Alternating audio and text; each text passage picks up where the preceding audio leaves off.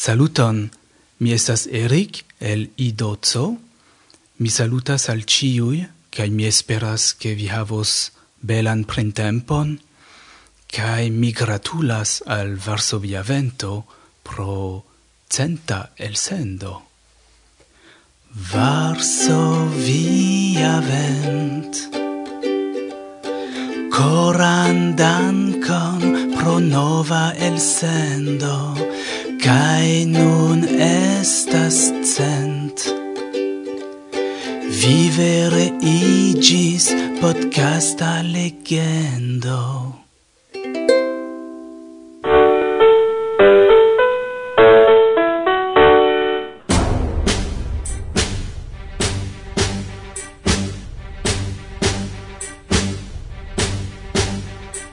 Varsovia vento.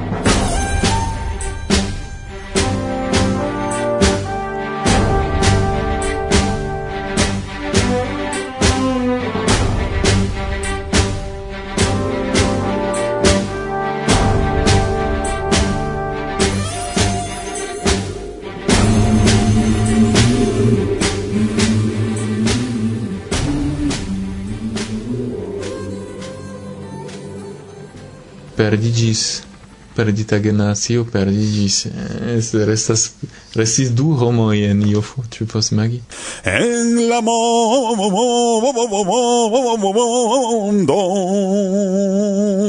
venis nova semento Mi tion ne povas fari, ĉar eh, sen rezultoj de esploroj tio verdire estas eh, tre malfacile. tion ni povas diri, ke ni ankaŭ estas vera kulturo, ĉu ne? Fek! Mi havis la gitaron. Gitaron mi disfekis. Tia estas la vivo. Mi uh, uzas nun preskaŭ ĉiam akordionon, pro praktika kialo ankaŭ ke akordiono estas portebla. Uh, mia patro eh, ludis gitaron, mia onklo ankoraŭ eh, ludis gitaron, flamenka gitaron ankaŭ. Avinoj ludis akordeonon, badoneon, do muziko ne estas uh, stranga afero en nia familio. Mi scias ke kelkaj homoj subtenas pluramemon same kiel oni povas subteni Esperanton, sed kelkaj junuloj uh nur faras tion por amuzigi kaj uh, eh, sed almeno ili scias kion fari. Kaj se iam ili volos fari ili havos pli da teknikon kaj faros pli bonan. Do nunaj gejunuloj eĉ ne eh, pasion imagis tiujn problemojn en la epoko de Gutenbergo. Ĉu vere? Ĉu ne? Ĉu Kia maniere tio devas okazi, periesa au nea maniera nur ciu Ĉu tri punktoj povas helpi nin? La Esperanta flanko estas pluso, nur agrablaĵoj, ĉar ankaŭ estas agrable renkontiĝi kun homoj. En Esperanto estas pli bone, ĉar vi renkontas aŭtomate tre rapide homoj de la tuta mondo kaj tiel plu do estas pluso kaj oni ne povas laciĝi pri tio, tut simple. Yes! Festo, festo, festo! Prononcon, vi comprenas? Che si prononcu bone. Carei. El la sudo de Argentino mi vin salutas kai el core dankas pro la centa el sendoi de Varsovia vento. Momente mi estas io mal proxime por tosti, sed mi profitas ci son kai home festenon por saluti in sen depende de kie au kiam ili estas. Racumondo el la aina nuno kai el la eno de la eno longan vivon al Varsovia vento. Saluton homoi. Saluton! Saluton! Saluton! Venis jubilea momento. La centa el sendo. De Varsovia vento. Yes, Varsovia vento. Ble, ble, ble. Hodiaŭ en la redakcio feste Martusia bakis festan kukon. Mmm, bon gustan kuko. Kungoszka. Martusia ciam bakas bongustajn kukoin. Oh, dankon. Mi dankas, ĉar ekde kiam vi bakas kukojn dum la redakciaj renkontiĝoj la laboro fariĝis ne nur utila, sed fakte ankaŭ bongusta. Yes! Kai ni grandiĝas pli kai pli. yes. Bone, eble prezentiĝu ni ĉiuj unue. Kasiecho. Martusia. Gorzka me. Rude. Anuś, Miłosz, Tomek. Kaj mi, Irek. Kaj, kaj kuko de Martusia.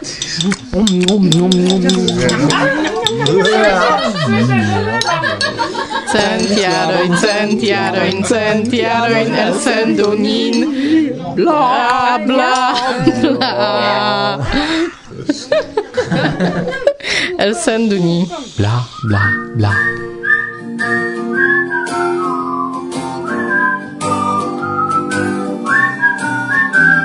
unua foio sente resonoras, anca dua foio dauras en memor. Se la tria quinna deca foio coras papilio igisor, Nu se extra centa foio nun ocasos, tusen dulgugine estas sen valor. Ja tavolo post tavolo gien fasos jen nascidias soro flor,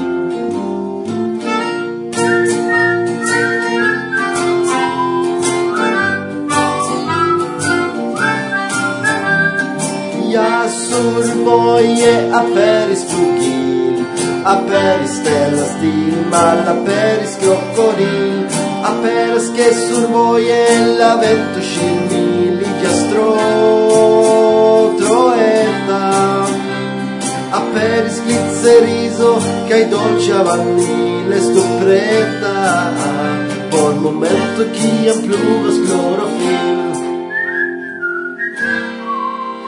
Gis la centa foio eble calculeblas Sed gemi tu simple multas la amor. Camararoi dum la verda vent malfeblas Core canto kiel hor Camararoi ni per ago in mondo meblas Jam nascigas oro flor Camarado ni per ago in mondo meblas Jam nascigas oro flor.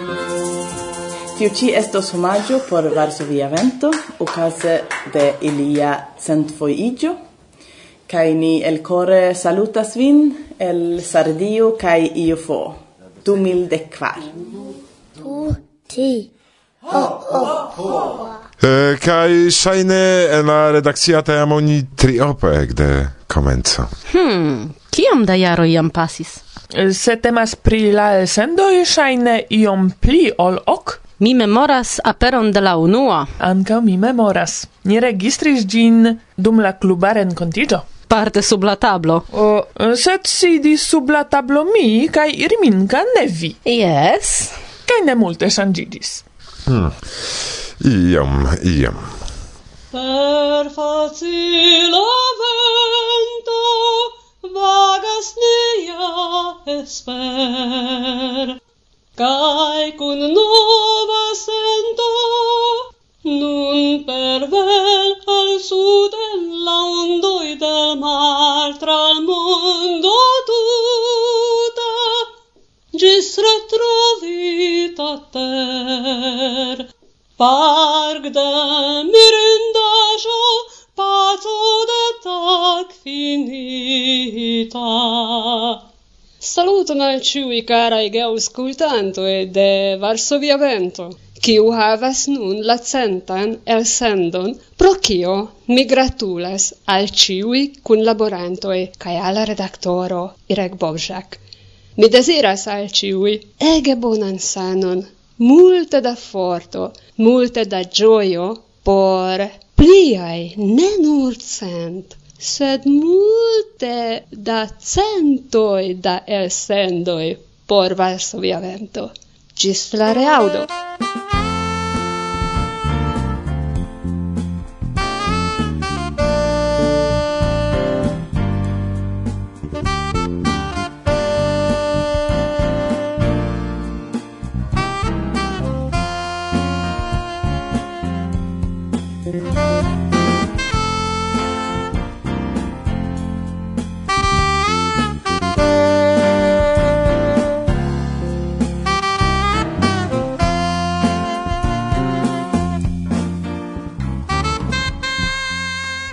Saluton, carai auscultantoi, mi estas Melono, jazz musicisto el Francio, cae mi deziras longan vivon al Varsovia Vento, ocase de la centa el sendo.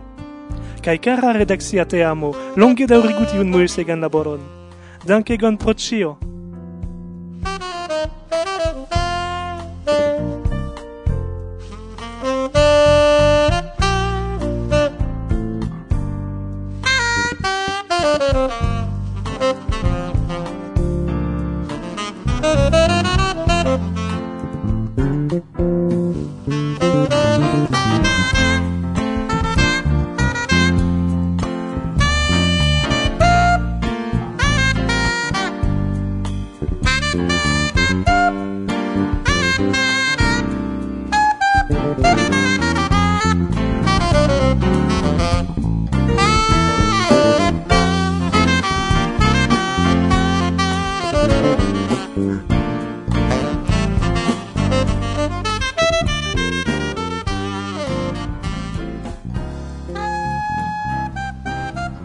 kial mi estas en eh, redakcia teamo? Hm, ĉar mi estas parto de familio. Ĉar mi ŝatas kunlabori kun vi, ĉiuj teamanoj, ĉar mi amas etoson ĉi tian. Ĉar mi ŝatas registri elsendojn, ĉar mi ŝatas disvastigi diversajn informojn por esperantistoj en la tuta mondo. Ĉar mi ŝatas lasi ion post mi. Kaj ĉar mi parolas Esperanton. Mi estu sincera. Mi ŝategas renkontiĝojn de Varsovia vento pro eksterordinara etoso nia teamo. Ni estas vere kune, ni bakas kukojn, multe babilas pri aferoj ne ĉiam ligitaj rekte kun la podcasto. Tio estas vere grava por mi, kiam mi venis al Varsovio kaj mi sentis min komence tute sola. Nun mi havas kvazaŭ familion tie, eĉ familion kun misio. Do mi partoprenas en eh, registrado pro niaj tre plezuraj renkontiĝoj, eh, speciale kun Martusia kaj eh, ŝiaj kukoj. Jes. Kaj mi volas, ke aŭskultantoj aŭskultu kaj ke ili lasu komentojn, kion oni ŝatas kaj ne por ke niaj elsendoj estu interesaj ĉiam por ili Kaj mi estas en la redakcio, ĉar tio donas al mi ŝancon renkontiĝi kun geamikoj el nia teamo. Dume, sence kaj kreme pasi kunan tempon. Tia maniere mi havas eblon komunikiĝi ankaŭ kun vi, karaj esperantistoj el la mondo. Kaj ĉe la okazo, ĉar kial ne, iom eksperimenti en kuirejo pri bakado de novaj kukoj. Do, kiel ne rigardi krom ŝajne utila por nia movado aktiveco en la redakcio, paralele ankaŭ ion praktikan mi lernas. Kaj, kompreneble ciam ege mi gioias, kiam ne nur la kukoj, sed ankaŭ la programoj bongustas. Al ĉiuj do, bonan apetiton por la sekvaj elsendoj. Bla, bla, bla.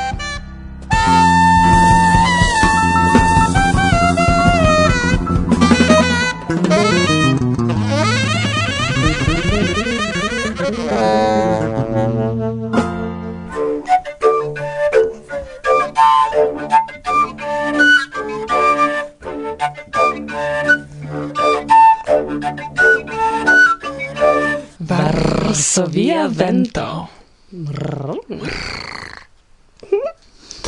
Entuziasma rilata la Zamenhof el kiel ciam.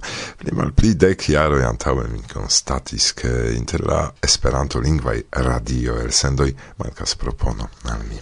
Compreneble interesse estis caudi la lingvon internazion per de eh, ordinara radio apparato, tamen eh, nec la enhavo de calcai tiamai proponoi, nec la musico presentita dum ili iel speciale varbis mian attenton. No, plendi facilas. Ene de nia movado permesu al mi iom claci. Ti estas quasau la internazia infecto. Tial do iom poste, anstatau paroli, che io mancas. Plicai primi pli mi comensis pensi, kial ne shangi tion. Kaj ien, aperis Varsovia vento. Ciò fakte io shangigis, ciò aperis radio propono, kiun tiam mi desiris trovi inter la aliaj? Bona demando. Bona ankaŭ al vi, mi pensas, carai, char lau mi cae por mi certe jest, almenaŭ parte. Dum eh, tiom iom pli ol ok ia ja sukcese ni videbligis la musican branchon de nia kulturo. Aperis multa intervjuoj cun artistoi, cae muziko, set ne nur apud son raportoi, dank' al kiui vi povis almenau iom eksenti la etoson de la esperantistai rencontigioi, kai sendube exci ion pri ili, krome ni komencis experimenti pri radioteatro. Sed en niei programoi plu mancas al mi discutoi pri la movado, pri la culturo generale, bildoi pri historio, ancorau pli da freshai raportoi e la esperantistei eventoi, en kiu mi mem, exemple, ne povas partopreni, sed kion fari. La eta redakcio el kiu consistas ni ne capablas aperi cie, kai sen profita kun labora en la esperantista movado, bedaurinde ne vere funkcias. Compreneble mi povas listigi pli da desiroi rilate al niei programoi, sed, kiel mi mencis, plendi facilas. La uniai ebloi do tiel ni evoluas. Nun helpe de multai filmetoi qui aperis kai ancora aperos ce la Facebook areteo de Varsovia Vento, Kai ni iros ci directen.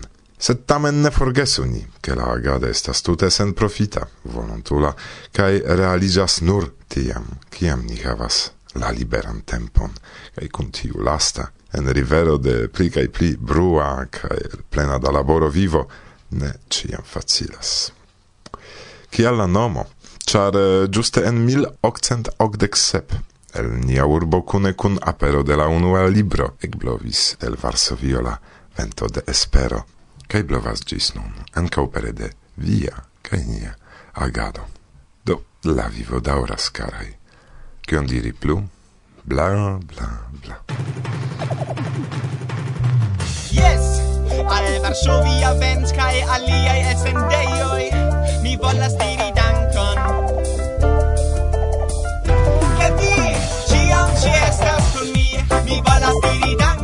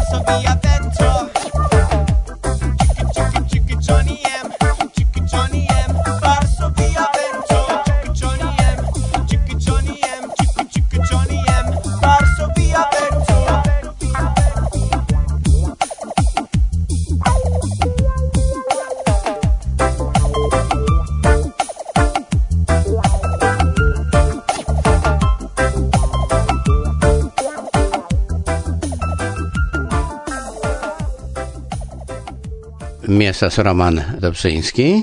mi havas grandan plezuron paroli alla radio de Varsovia Vento. Iu pli des pli ni parolas fakte kiel en havo de la centa elsendo de Varsovia Vento.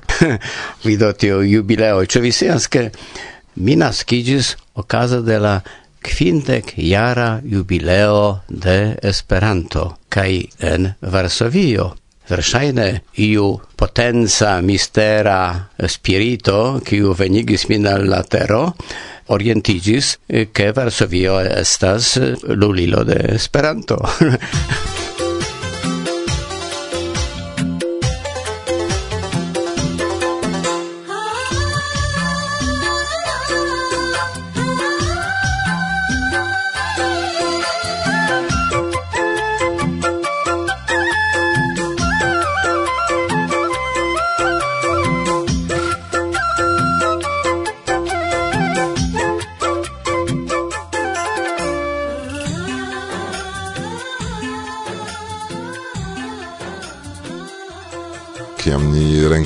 gis februare vi antau annoncis forflugon al Nepalo. Yes, eh, kai vidu, eh, nur mi desiras citie emfasi mian shuldon, kion mi havas al Ludovico Zamenhof kai al Esperanto mem. Char danke al Esperanto mi multege lernis mi trovis eh, la mondon malfermita kaj estas tute neimagebla antaŭe por mi che en eh, lando kiu estas tre fora de Europo mi trovos pezon de Esperantujo. Mi rakontis tion de nelonge al mia granda amiko, kiu estas eh, la nepo de Ludovika Zamenhof, doktoro Zaleski eh, Zamenhof.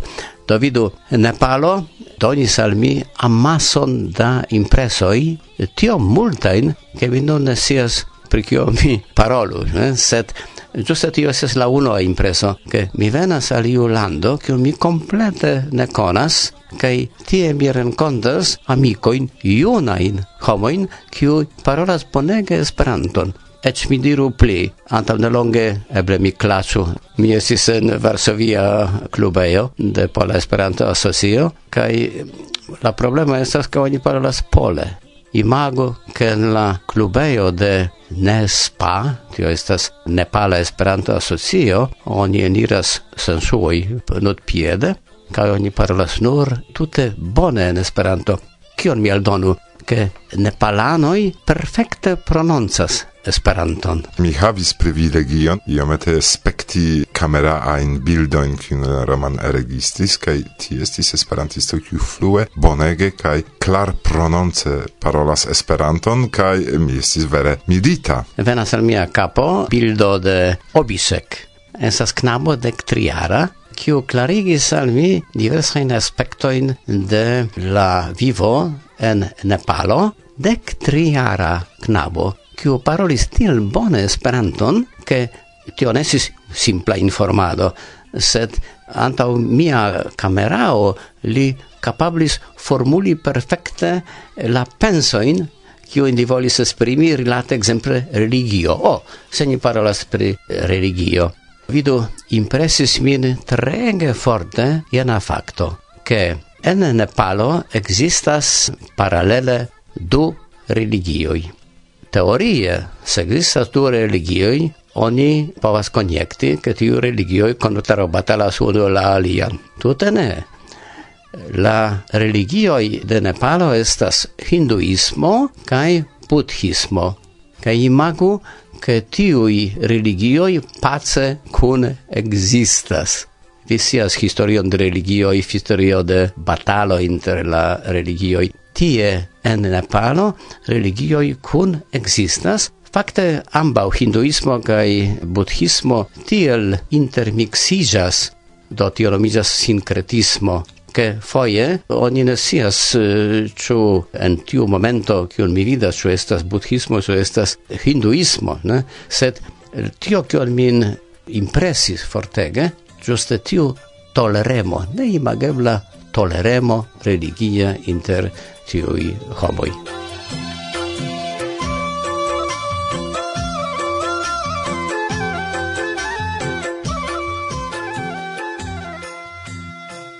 Iam mi gastigis usonanon, negron, eh, kiu unuan foion venis al Europo, kaj mi demandis nin pri la unua plej forta impreso de Europo, de Polando, kaj li pensis, pensis, kaj respondis, ĉu vi estas rasistoj? Kaj mi diris ne, kial, ĉar mi ĉi tie vidas nur blankaj homoj, nek unu negro surstrate.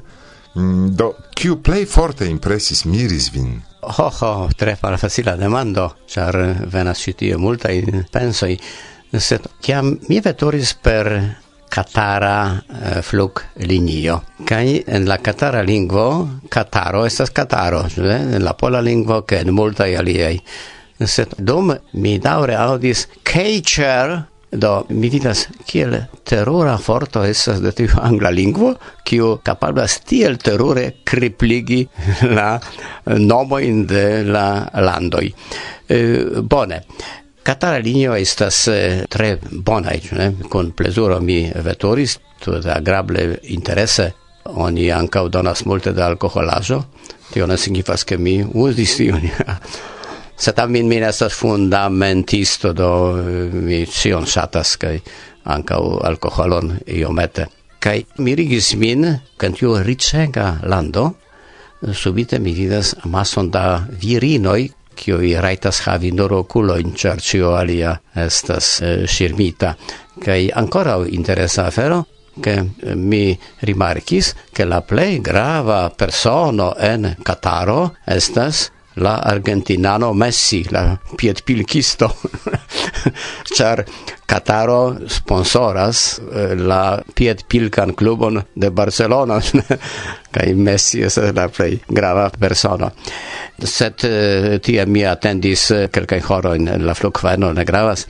Finfine mi venis al Katmanduo kai imago en Katmanduo tre interesa afero pri vizo. Mi tute ne havis vizon sed oni diris al mi che vi ricevos en la flughamero. Kaj efektive estis multaj oficistoj, neniuj oficiroj, neniuj soldatoi, sed simple officistoi, al kiuj oni staris vice, kaj vison oni ricevas sen kiu ajn pridemando, oni simple demandas kiom da tagoi.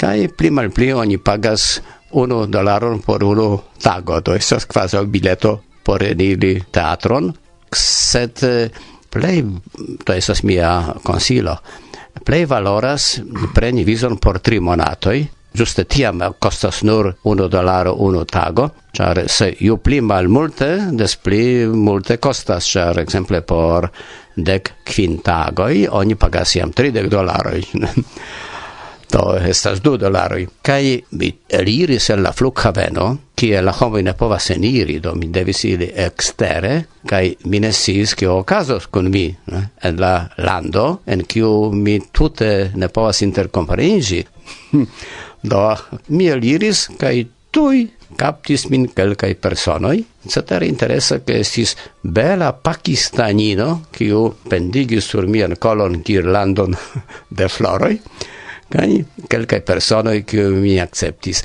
kai la unuaj vortoj kiu mi parolis en Nepalo estis Esperanto, kaj la lastaj vortoj, kiu mi parolis en Nepalo estis Esperanto, kaj dum tuta monato neniu alia lingvo estis por mi bezonata, nur suficis Esperanto.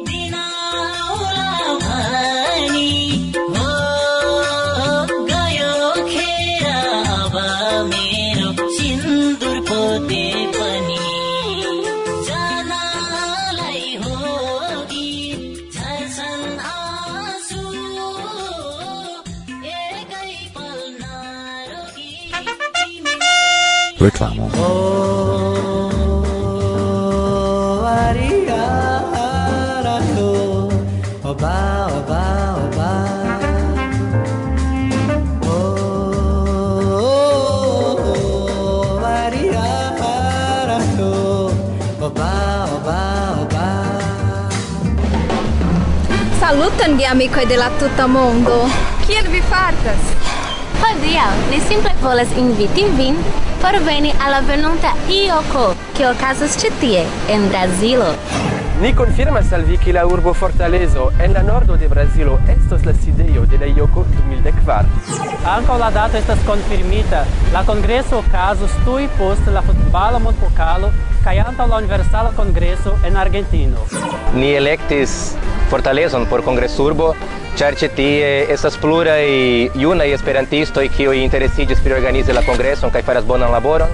Ĉi tie ankaŭ la urbodomo subtenas la kongreson kaj aliaj kialoj estas ke la urbo estas en eterna somero, ĉi tie ĉiam estas varme dum la tuta jaro kaj ankaŭ la urbo estas mojosa kun plaĝoj, kun belaj vidindaĵoj kiujn kongresanoj povos ĝui.